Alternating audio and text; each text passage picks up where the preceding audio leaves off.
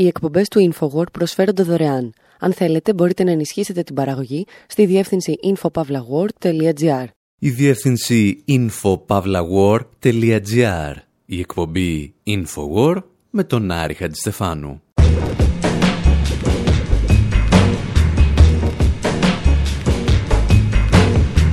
Όπου σήμερα αναρωτιόμαστε τι είναι αυτό που μυρίζει άσχημα, έρχεται από την Νότια Ιταλία και έχει την ενοχή της Καμόρα και την ανοχή της Ευρωπαϊκής Ένωσης.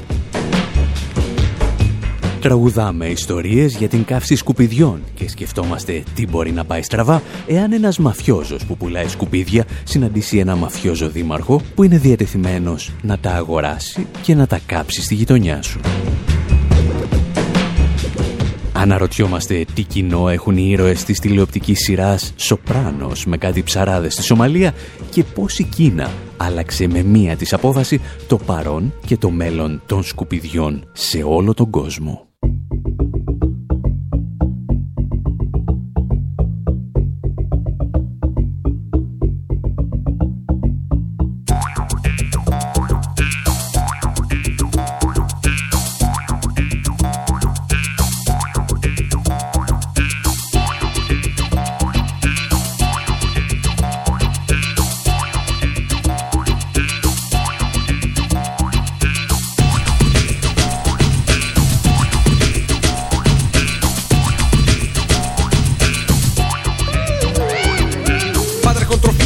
fratello su fratello, partoriti in un avello come carne da macello, uomini con anime sottili come lamine Taglienti come il crimine, rabbioso oltre ogni limite Eroi senza una terra che combattono una guerra tra la mafia e la camorra Sodoma e Gomorra, Napoli e Palermo Succursali dell'inferno divorate dall'interno In eterno, da un tessuto tumorale di natura criminale Mentre il mondo sta a guardare muto senza intervenire Basta, alla guerra fra famiglie Fomentata dalle voglie d'una moglie con le doglie Che oggi dà la vita ai figli e domani gliela toglierà Mi spogli dalle foglie che le taglia come paglia E nessuno se la piglia.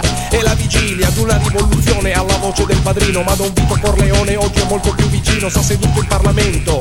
È il momento di sferrare un'offensiva terminale decisiva radicale distruttiva oggi uniti più di prima alle cosche bosche attitudini losche mantenute dalle tasse alimentate dalle tasche. Basta una busta nella tasca giusta in quest'Italia così laica. You gotta fight the fighter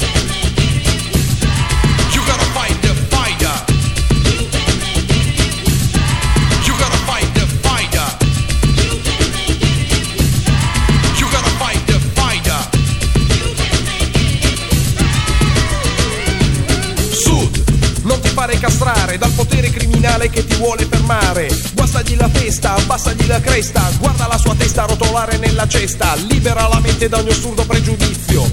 È l'inizio della fine del supplizio che da secoli ti domina, ti ingoglia e ti rivomita. Potere di quei demoni che noi chiamiamo uomini, che uccidono altri uomini, che sfruttano noi giovani, che tagliano le ali agli angeli più deboli. Potere che soggioga, potere della droga, potere di uno Stato che di tutto se ne frega. Strage di Bologna, Ustica, Gladio, cumuli di scheletri ammassati in un armadio. Odio, il tuo seme germoglia nella terra fecondato dal sangue della guerra e la camorra. Indomita, ricca e strafottente, continua ad uccidere la gente. Tombe, catombe, esplosioni di bombe, raffiche di mitra, falcide di bande. Cosenza, potenza, carne morta in partenza, consacrata alla violenza senza opporre resistenza. Alpi, Salento, un solo movimento. Pugni sul sistema, pretendiamo un cambiamento. Ridateci la terra, basta con la guerra, dalla strada all'intifada.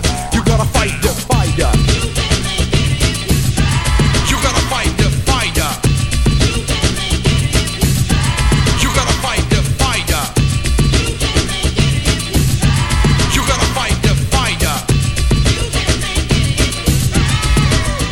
Το τραγουδάκι που ακούτε μπορεί να μην σας λέει και πολλά, αλλά το 2013 ανακηρύχθηκε το σημαντικότερο κομμάτι της Ιταλικής ραπ σκηνής. Για κάποιο λόγο. Ο δημιουργός του, ο Φράγκη High Energy, μπλέκει αρκετές από τις πιο συγκλονιστικές διηγήσεις της μεταπολεμικής ιστορίας της χώρας. Τη βομβιστική επίθεση αποφασίστε στην Πολώνια το 1980, την οποία όμως κάποιοι προσπάθησαν να αποδώσουν στην αριστερά, την λεγόμενη σφαγή της Ουστίτσα, δηλαδή την πτώση ενός αεροσκάφου των Ιταλικών αερογραμμών, που κάποιοι αποδίδουν σε πύραυλο μαχητικού αεροσκάφους, και τέλος την Γκλάντιο, την παραστρατιωτική οργάνωση του ΝΑΤΟ στην Ιταλία. Το υπόλοιπο τραγούδι όμως είναι απλώς αφιερωμένο στην Ιταλική μαφία και κυρίως την Καμόρα, την οργάνωση της Νάπολης και της ευρύτερης περιοχής της Καμπανίας. Η ιστορία της Καμόρα χάνεται στα βάθη του 17ου αιώνα. Το βασικό χαρακτηριστικό της ήταν και είναι ότι δεν έχει την ιεραρχική δομή πυραμίδας της Κοζανόστρα, δηλαδή της μαφίας της Σικελίας. Οι Καμόρα αποτελούνταν από ανεξάρτητες ομάδες και αυτός ήταν ένας από τους λόγους για τους οποίους οι επικεφαλείς των ομάδων διαπλέκονταν πολύ ευκολότερα με τους πολιτικούς και με κάθε μορφή τοπικής εξουσίας. Από το 1980 η Καμόρα κυριαρχεί στο εμπόριο ναρκωτικών της Νότιας Ιταλίας. Μία δεκαετία αργότερα όμως συνειδητοποιεί ότι μπορεί να εξασφαλίσει εξίσου μεγάλα ή ακόμη και μεγαλύτερα κέρδη από τη διαχείριση των απορριμμάτων. Για την ακρίβεια, από τη μαγική εξαφάνιση των απορριμμάτων.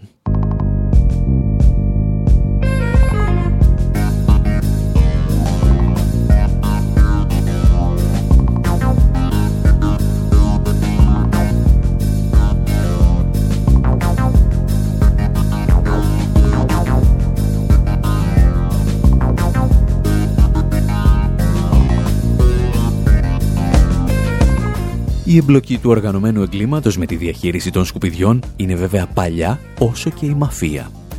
Και ίσως η συγκεκριμένη μουσική από την σειρά «Σοπράνος» να σας θυμίζει ότι τα σκουπίδια ήταν η βασική απασχόληση και του Τόνι Σοπράνου.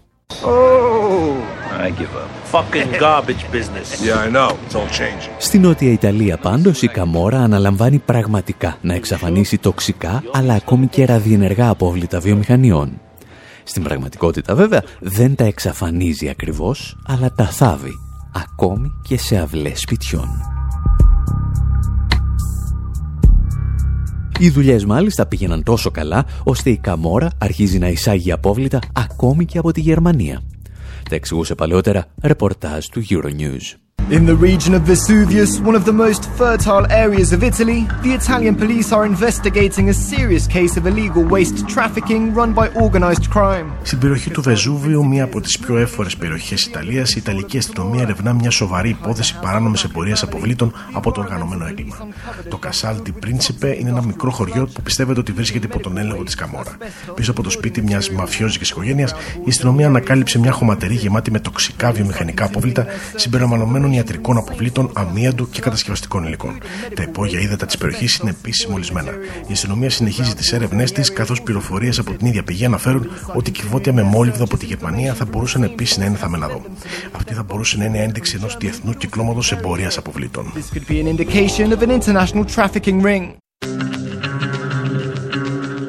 Όταν βέβαια αρχίζεις να συγκεντρώνεις τοξικά και ραδιενεργά απόβλητα και από άλλες ευρωπαϊκές χώρες, κάποια στιγμή η δική σου χώρα εξαντλείται και πρέπει να αρχίσεις και εσύ να τα στέλνεις κάπου αλλού. Αν τα φέρνεις στην Ιταλία από τη Γερμανία, πρέπει να βρεις μια ακόμα πιο φτωχή χώρα για να τα θάβεις.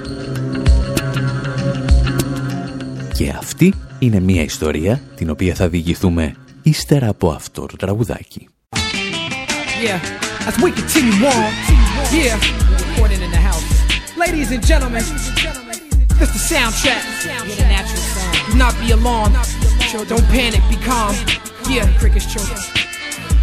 We're gonna hit you with with the words. We're gonna hit you with the music. We in four green right now. Of course, we're gonna hit you with that quality shit. Yeah, come on. Yo, yo, yo, yo, music. Music these days, a shade smoke comes for you and I are children where you can live and just have fun. So nobody trip on where you come from. See, everything is good, yeah, it's all love. Straight living in the hood for all to get some. Every woman to a man, to a child, to a fan, we're all that's on a higher level of understanding. But if it's gonna take a while, I feel I could bask in the glory of that day.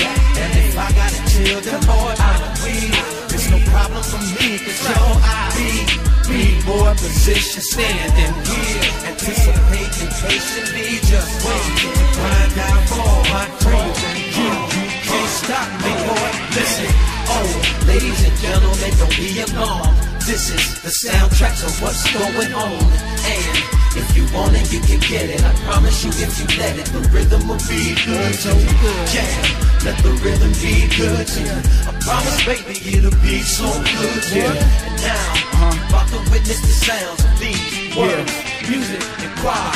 Community blocks waiting till my opportunity knocks. But the door is usually locked because it's usually cops. Most of us wish we had a car and jewelry shop. But spend my days trying to fuck or find a movie to watch. Talking big plans to live large and move from the block. Your only options from your moms is to move to your pops. Cigarettes, trying to hold on to the few that you got. Price is crazy high for you to give up a Lucy's a lot. Areas we from, you scared you don't run, don't care what you done. Be leery your tongue snitching, hope the jury is hung. Trying to go from zero to one like a hero becomes. While here, air in my lungs, ideas I share with my sons. People down here so shady they can stare at the sun. Can't wait till that unemployment check clear once it comes. Daily routines, but my only theory when young was get money, get a job, and hope a period comes. It's live life. Oh, ladies and gentlemen, don't be alarmed.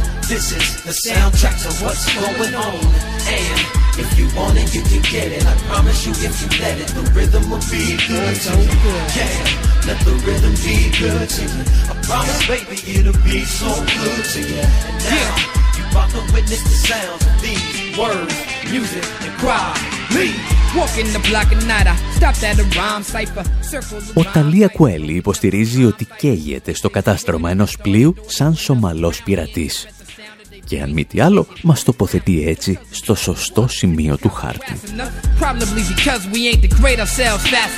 Έχουμε εξηγήσει πολλές φορές από αυτήν εδώ την εκπομπή το πώς οι Σομαλοί πειρατές δημιουργήθηκαν αρχικά σαν ομάδες αυτοάμυνας απέναντι στις παράνομες δραστηριότητες ξένων αλλιευτικών στόλων σύμφωνα με καταγγελίες ακόμη και ελληνικών πλοίων.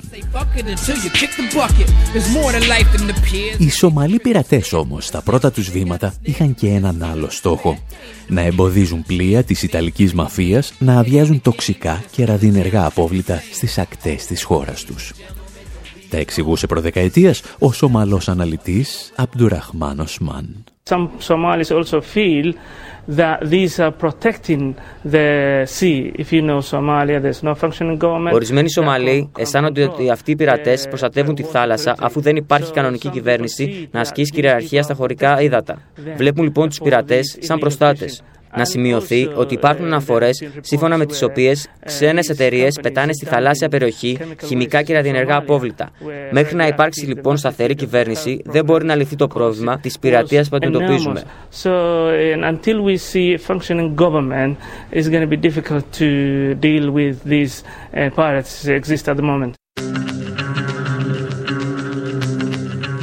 Η υπόθεση της απόρριψης των τοξικών και ραδιενεργών αποβλήτων στις ακτές της Σομαλίας γίνεται για πρώτη φορά γνωστή το 1994. Italian journalist Ilaria Alpi and her cameraman Miran Ravatin were in Somalia investigating the use of Italian aid projects as fronts for arms smuggling and toxic waste dumping. Όπως εξηγούσε το Αλτζαζίρα, δύο Ιταλοί δημοσιογράφοι δολοφονήθηκαν όταν αποκάλυψαν ότι οι Ιταλικές ανθρωπιστικές οργανώσεις λειτουργούσαν σαν βιτρίνα για εταιρείες που έριχναν τα απόβλητά τους στην περιοχή. Και το συντονισμό της επιχείρησης είχε και πάλι η Ιταλική μαφία. Άλλες φορές βέβαια η Ιταλική μαφία φρόντιζε να βυθίζει πλοία με κρυμμένα απόβλητα ακόμη και κοντά στις Ιταλικές ακτές.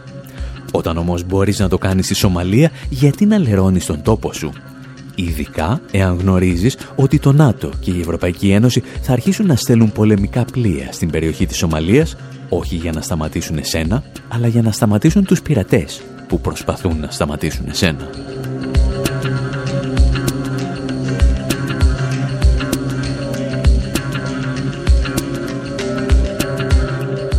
Φυσικά, η απόρριψη αποβλήτων κάθε είδους εντός και εκτός της Ιταλίας ήταν μία μόνο από τις τεχνικές που χρησιμοποιούσε η Ιταλική μαφία για να ξεφορτώνεται τις βρωμιές μεγάλων επιχειρήσεων. Γιατί όταν δεν μπορείς να τα θάψεις, πιθανότατα μπορείς να τα κάψεις. Όπως εξηγούσε και πάλι το Euronews, όταν η Ιταλική αστυνομία ανακάλυψε τις μυστικές χωματερές της Καμόρα, κατάφερε να εξηγήσει και ένα άλλο φαινόμενο τις χιλιάδες πυρκαγιές που σημειώνονταν στη Νότια Ιταλία. The underground dumps prove that the trafficking of industrial waste by the Camorra in this region has been going on since the 80s. Οι υπόγειες χωματερές αποδεικνύουν ότι η εμπορία βιομηχανικών αποβλήτων από την Καμόρα σε αυτή την περιοχή ξεκίνησε τη δεκαετία του 80. Η περιοχή που εκτείνεται μεταξύ της Νάπολης και της Κασέρτα και περιλαμβάνει περίπου 50 χωριά είναι γνωστή ως η χή των πικαγιών. Οι κάτοικοι διαμαρτύρονται συνεχώς για φωτιές στην Ήπεθρο. Αυτές ξεκινούν από εγκληματίες που θέλουν να ξεφορτωθούν αστικά και βιομηχανικά απόβλητα. Μόνο το περασμένο έτος υπήρχαν αναφορές για περισσότερες από 2.500 πυρκαγιές.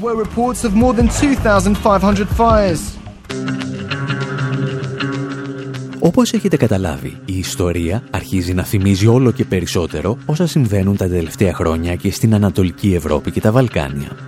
Οι παράνομες χωματερές δίνουν τη θέση τους σε φούρνους, όπου αποτεφρώνονται τα σκουπίδια. Τεχνικές που εφαρμόστηκαν αρχικά με μάλλον εραστεχνικό τρόπο και από την Καμόρα. Enzo Tosti, an environmental activist, takes us to an abandoned factory near Orta di Atella that was closed down by the police. Ο Ένζο Τόστι, ένας περιβαλλοντικός ακτιβιστής, μας πηγαίνει σε ένα εγκατελειμμένο εργοστάσιο κοντά στην Όρτα Διατέλα. Εδώ παρασκευαζόταν οργανικό λίπασμα. Σύμφωνα όμως με τον Ένζο, αυτό γινόταν με την προσθήκη βιομηχανικών αποβλήτων. Στην καρδιά της υπαίθρου, μικροί φούρνοι ανάβουν τακτικά. Εδώ καίγονται δημοτικά απόβλητα από τον τομέα των παράνομων κατασκευών και φασμάτινα απορρίμματα, όπως επίσης και υλικά με αμύατο.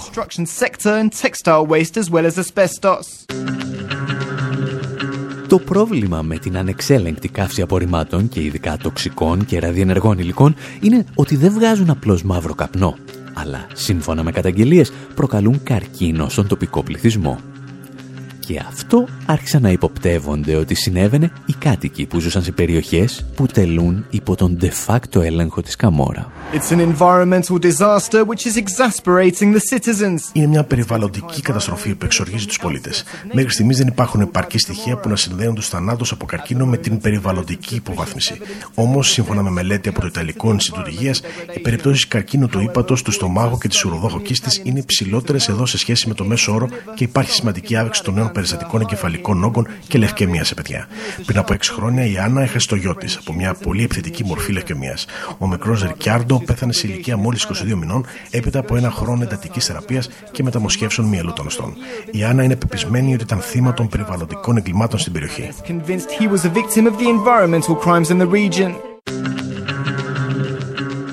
Ένας από τους ανθρώπους που βρέθηκαν στην πρώτη γραμμή της μάχης με την Καμόρα ήταν και ο ιερέας Μαουρίτσιο Πατριτσιέλο.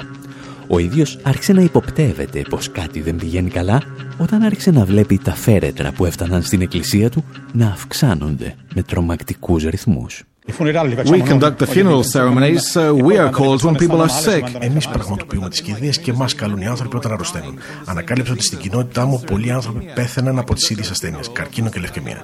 Διεξήγα την κηδεία του Λουτσιάνο, 16 ετών, του Αντώνιο, μόλις 10 ετών, μιας νεαρής μητέρας που ήταν μόλις 30 και μιας άλλης μητέρας που ήταν 26 ετών. Just 10. A young mother who was only 30, then another mother who was 26. La Camorra ha fatto la sua parte. Ma la Camorra ha fatto... Η Καμόρα έχει παίξει το ρόλο της. Έχουν κάνει συμφωνία με μια παράνομη βιομηχανία. Α πούμε την αλήθεια. Είναι παράνομη βιομηχανία, ό,τι και αν λένε επιχειρηματίες που τη διοικούν. Έχουμε επιχειρηματίες που απλώς προσπαθούν να υπερασπιστούν τους εαυτούς τους και κάποιες χώρες στη Βόρεια Ευρώπη που αρνούνται να αναλάβουν τις ευθύνες τους. Αυτό είναι ένα παγκόσμιο πρόβλημα. Ένας ιερέας λοιπόν δεν διστάζει να τα βάλει με την Καμόρα, τη μαφία της Νάπολης. Και αν αυτό δεν σας θυμίζει κάτι από το ρόλο της ελληνικής εκκλησίας, καλώς δεν σας το θυμίζει, γιατί στη χώρα μας δεν έχουμε αντίστοιχα παραδείγματα. Το ζήτημα είναι ότι με τις αντιδράσεις των κατοίκων αλλά ακόμη και της Εκκλησίας η Καμόρα συνειδητοποίησε ότι δεν μπορεί πλέον να καίει ανεξέλεγκτα τα σκουπίδια των βιομηχάνων στην Ιταλία. Και έτσι αποφάσισε να αρχίσει να τα καίει στα Βαλκάνια.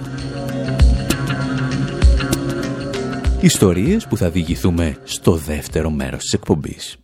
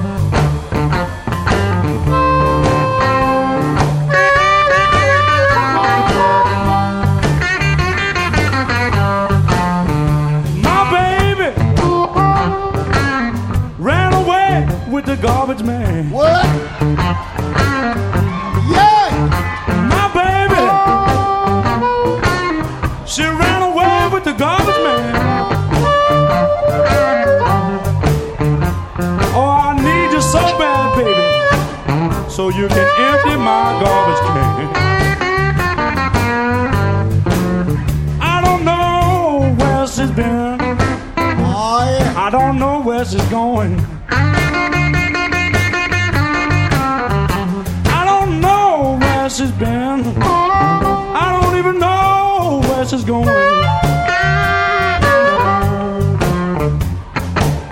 Please come back to me, babe. My garbage can is overflowing.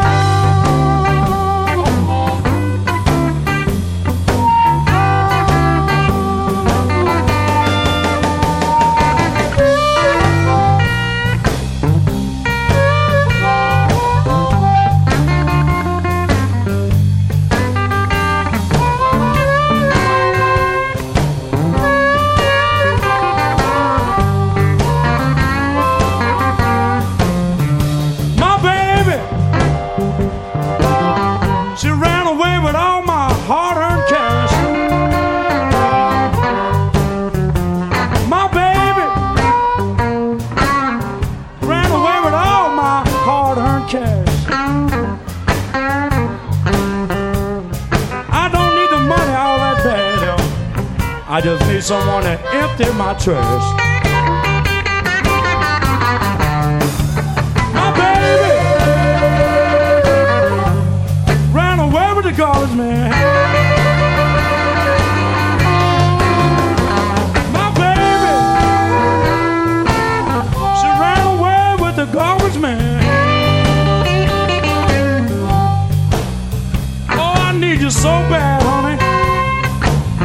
So you can empty my garbage can.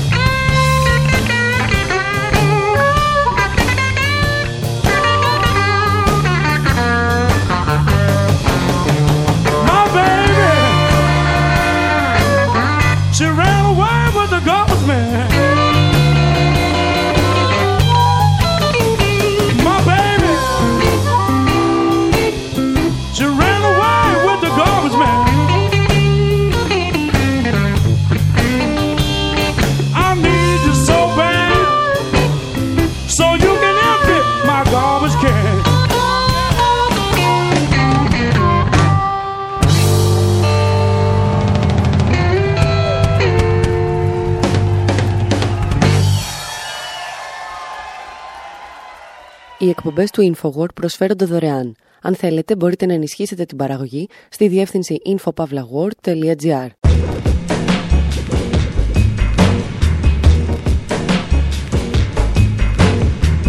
Εκπομπή Infowar, μέρος δεύτερο.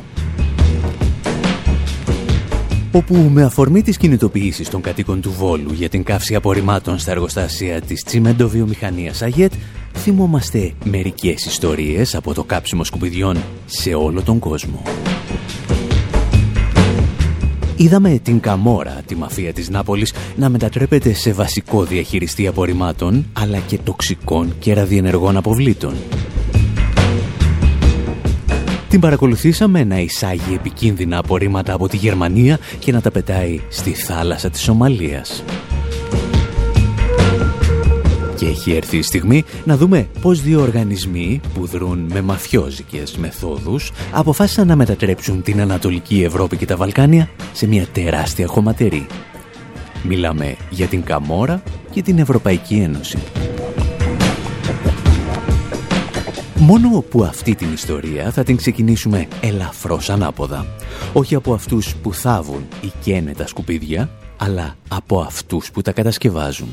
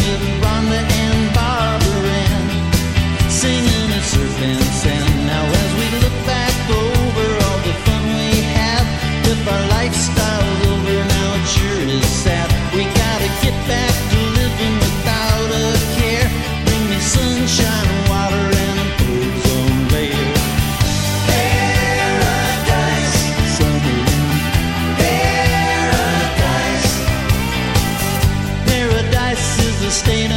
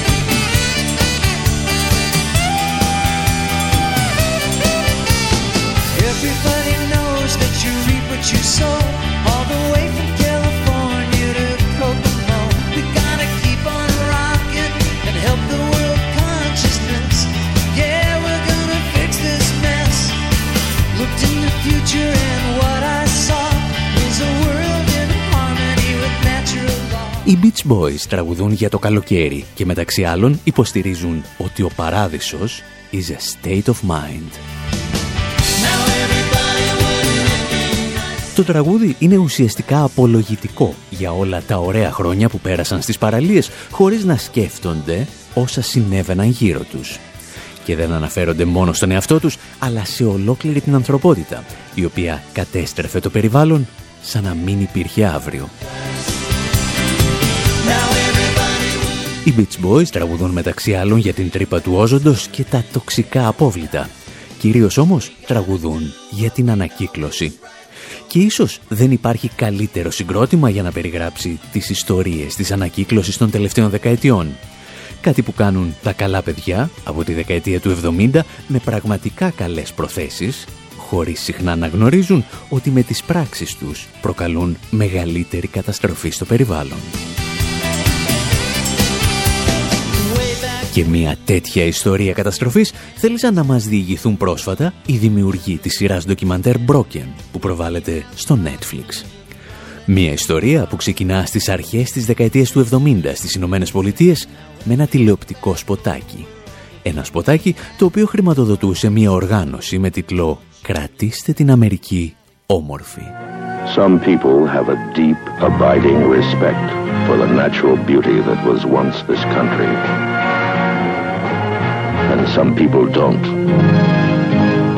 People start pollution. People can stop it. Το σποτ έδειχνε έναν Ινδιάνο να κλαίει επειδή οι σύγχρονοι Αμερικανοί πολίτες πετούσαν σκουπίδια στον τόπο που γεννήθηκε. Οι άνθρωποι, έλεγε το σποτ, ξεκινούν την μόλυνση και οι άνθρωποι μπορούν να την σταματήσουν.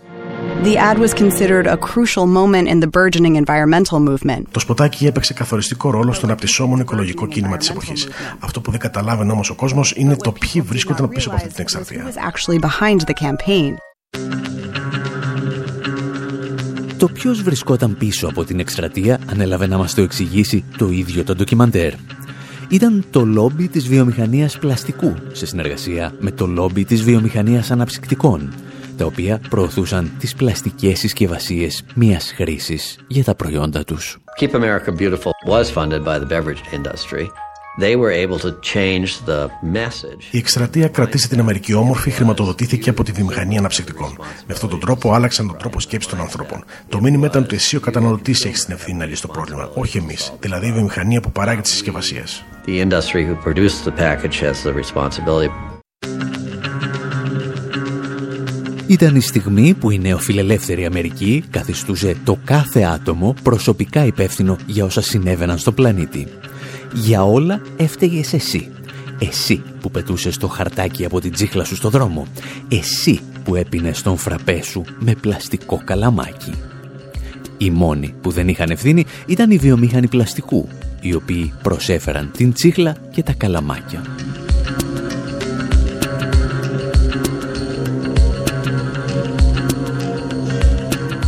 Η βιομηχανία των πλαστικών λοιπόν δημιουργεί ουσιαστικά το κίνημα της ανακύκλωσης πλαστικών, εξηγώντας στους πολίτες ότι μπορούν να καταναλώνουν όσο θέλουν, αρκεί να φροντίζουν να πετάνε τα πλαστικά τους σε έναν συγκεκριμένο κάδο. Και επειδή δεν μας είχαν και μεγάλη εμπιστοσύνη ότι θα καταλαβαίναμε, κάθισαν και σχεδίασαν ακόμη και το σήμα της ανακύκλωσης, που χρησιμοποιούμε ακόμη και σήμερα. And so the American Plastics Council created the chasing arrows. Το λόμπι της Αμερικανικής Βιομηχανίας Πλαστικού δημιούργησε το γνωστό σήμα της ανακύκλωσης με τα τρία βελάκια. Με τον τρόπο αυτό, υποτίθεται θα βοηθούσαν τον κόσμο να διαχωρίζει τα πλαστικά σε κατηγορίες. Από τις 7 κατηγορίες όμως που δημιούργησαν, υπήρχαν αγοραστές μόνο για δύο κατηγορίες πλαστικού που μπορούσαν να ανακυκλωθεί. Το λόμπι του πλαστικού όμως έπαιρνε αυτά που ίσχυαν για τις δύο κατηγορίες και υποστήριζε ότι ισχύουν για όλες. Στη συνέχεια άρχισαν να πυροδεύουν σε όλες τις πόλεις Αμερικής, όπου έστησαν προγράμματα ανακύκλωσης για το σύνολο των πλαστικών απορριμμάτων. Το μήνυμα που έφτασε στο μέσο καταναλωτή καταναλωτή ήταν ότι τα πάντα ανακυκλώνονται.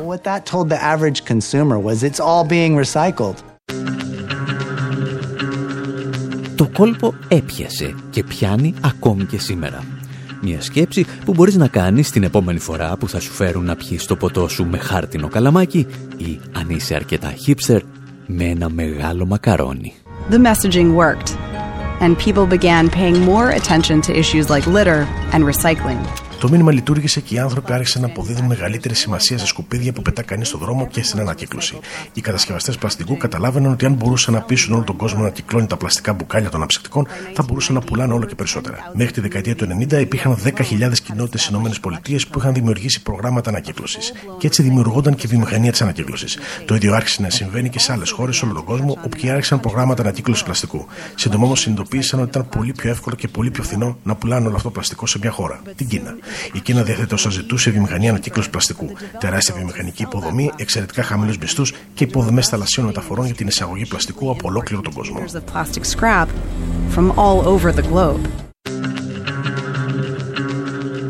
Η Κίνα λοιπόν αποφάσισε να γίνει ο παγκόσμιος χώρος ταφής ή καύσης απορριμμάτων. Κυρίως όμως αγόραζε τα πλαστικά που δεν ανακυκλώνονται, δηλαδή την πλειονότητα των πλαστικών που παράγουν οι βιομηχανίες της Δύσης. Εμείς μπορούσαμε πλέον να καταναλώνουμε όσο πλαστικό θέλαμε και να μην βλέπουμε που καταλήγει. Κατευθυνόταν μαζί με τη μισή ντροπή μας κάπου στην Κίνα.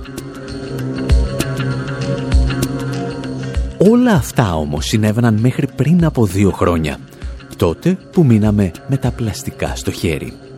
Ιστορίες να έχουμε να λέμε ύστερα από αυτό. The world today seems absolutely crackers. With nuclear bombs to blow us all sky high. There's fools and idiots sitting on the trigger. It's depressing and it's senseless, and that's why. I like Chinese. I like Chinese. They only come up to your knees, yet they're always friendly and they're ready to please. I like Chinese. I like Chinese. There's 900 million of them in the world today. You'd better learn to like them, that's what I say. I like Chinese. I like Chinese. They come from a long way overseas. But they're cute and they're cuddly and they're ready to please. I like Chinese food. The waiters never are rude. Think of the many things they've done to impress. There's Maoism, Taoism, I Ching and chess. So I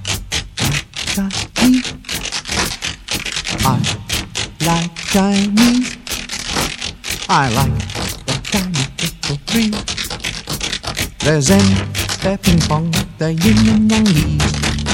I like Chinese thought, the wisdom that Confucius taught. If Darwin is anything to shout about, the Chinese will survive us all without any doubt. So I like Chinese. I like Chinese. They only come up to your knees. Yet they're wise and they're witty and they're ready to please all together. I jump around. Οι Monty Python ισχυρίζονται ότι τους αρέσουν οι Κινέζοι και συγκεντρώνουν σε ένα τραγούδι όσα στερεότυπα μπορούν να σκεφτούν για αυτούς. Κυρίως όμως υποστηρίζουν ότι η ανθρωπότητα κινδυνεύει με εξαφάνιση από τα λάθη της και οι Κινέζοι ίσως και να είναι οι μόνοι που θα επιβιώσουν.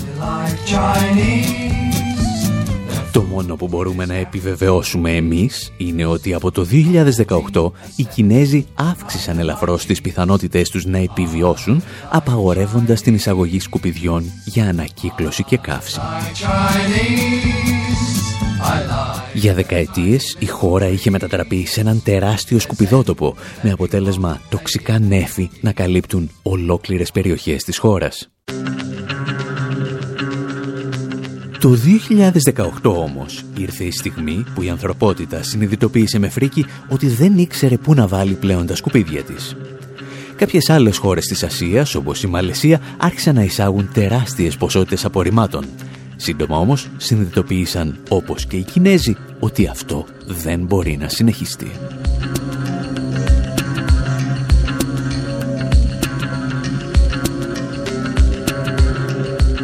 Όλες οι χώρες της Δύσης λοιπόν καλούνταν να βρουν άμεσα μία λύση και πιο γρήγορα κινήθηκε η Ευρωπαϊκή Ένωση.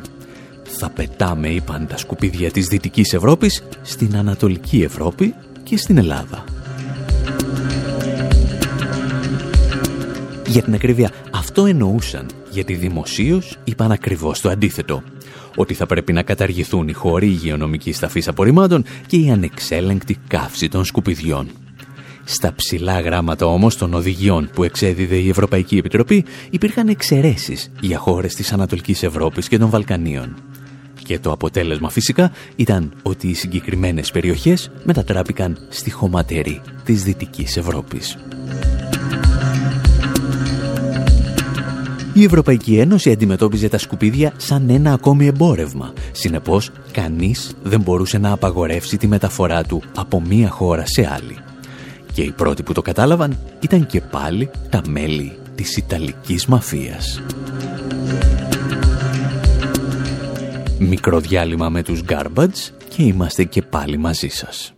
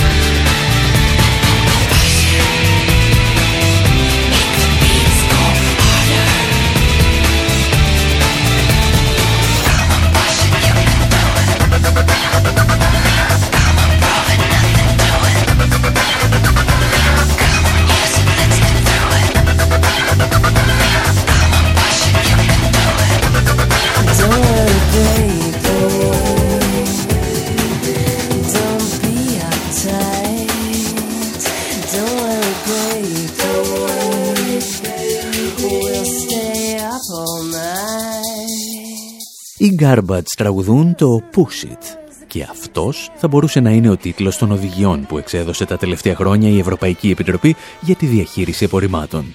Σκουπίδια, σπρώξτε τα. The Kishkadaga Cement Works, Western Romania, Διεθνή ειδησιογραφικά πρακτορία άρχισαν τα τελευταία χρόνια να μεταδίδουν πανομοιότυπες ειδήσεις για διαφορετικές χώρες του πρώην Ανατολικού Μπλοκ. Εμείς θα σας διαβάζουμε την είδηση και εσείς θα τοποθετείτε το όνομα μιας χώρας, μιας εταιρείας ή ενός πολιτικού όπου υπάρχει κενό. Πάμε. Καλησπέρα σας κυρίες και κύριοι, είναι η μεσημεριανή σας ενημέρωση με τον Άρη Χατζηστεφάνου. Η Ιταλική αστυνομία ενημέρωσε αξιωματούχους στη χώρα Χ ότι η εταιρεία Ψ της Νότιας Ιταλίας από την οποία αγόραζαν απορρίμματα είναι βιτρίνα της Ιταλικής Καμόρα. Στις έρευνες που ακολούθησαν αποκαλύφθηκε ότι μεταξύ των απορριμμάτων βρίσκονταν και επικίνδυνα τοξικά ή ακόμη και ραδιενεργά απόβλητα. Όσα δεν κατέληγαν σε παράνομες χωματερές καίγονταν σε παλιές τσιμεντοβιομηχανίες της εταιρείας Ωμέγα, η οποία είχε ιδιωτικοποιηθεί πριν από μερικά χρόνια. Ο Πρωθυπουργός της χώρας Χ ζητά από τη δικαιοσύνη να χυθεί άπλετο φως. Στη φυλακή θα οδηγηθεί σύμφωνα με πληροφορίες ο δήμαρχος της πόλης Λάμδα, κύριος Μη. Την ίδια στιγμή, επιστήμονες στη χώρα Χ καταγράφουν τρομακτική αύξηση καρκινικών παθήσεων στο πληθυσμό που ζούσε κοντά στις τσιμεντοβιομηχανίες της εταιρείας Ωμέγα.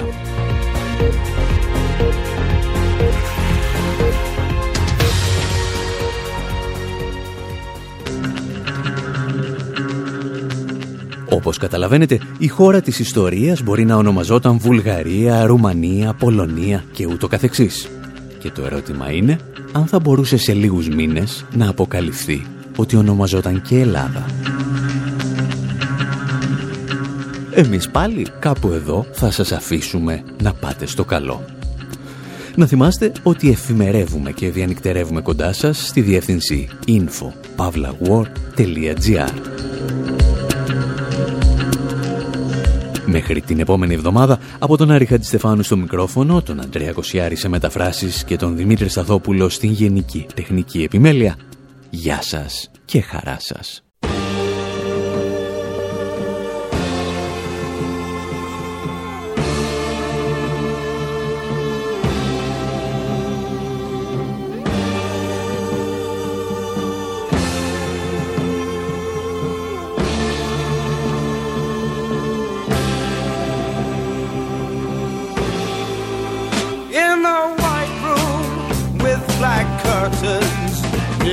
Station.